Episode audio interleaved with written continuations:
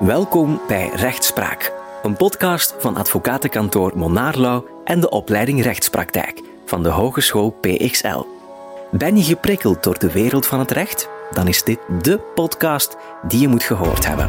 In elke aflevering ontvangen we boeiende gasten aan het begin van hun studiekeuze of met jarenlange ervaring in het werkveld. Krijg een antwoord op de vragen die je je altijd al stelde. Waar zijn onze gasten mee bezig in hun job?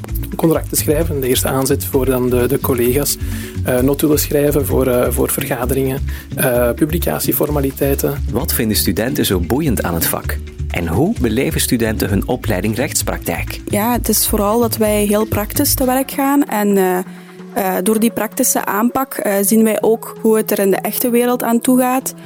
Um, door ook echt contracten te bekijken. Dus je kan het wel allemaal horen, maar als je het echt in je handen vastpakt en zelf gaat lezen, dan begin je het wel echt te beseffen. Leer laagdrempelig bij.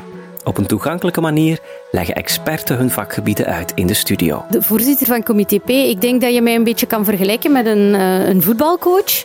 Uh, wij analyseren de match, we halen de foutjes eruit en geven dan tips om te zorgen dat de volgende match gewonnen wordt. Met een kritische blik op de wereld van het recht. We merken dat een nieuwe, jonge generatie voor heel wat dynamiek zorgt bij justitie. Gedreven mensen die vooruit willen. Justitie heeft die trein compleet gemist.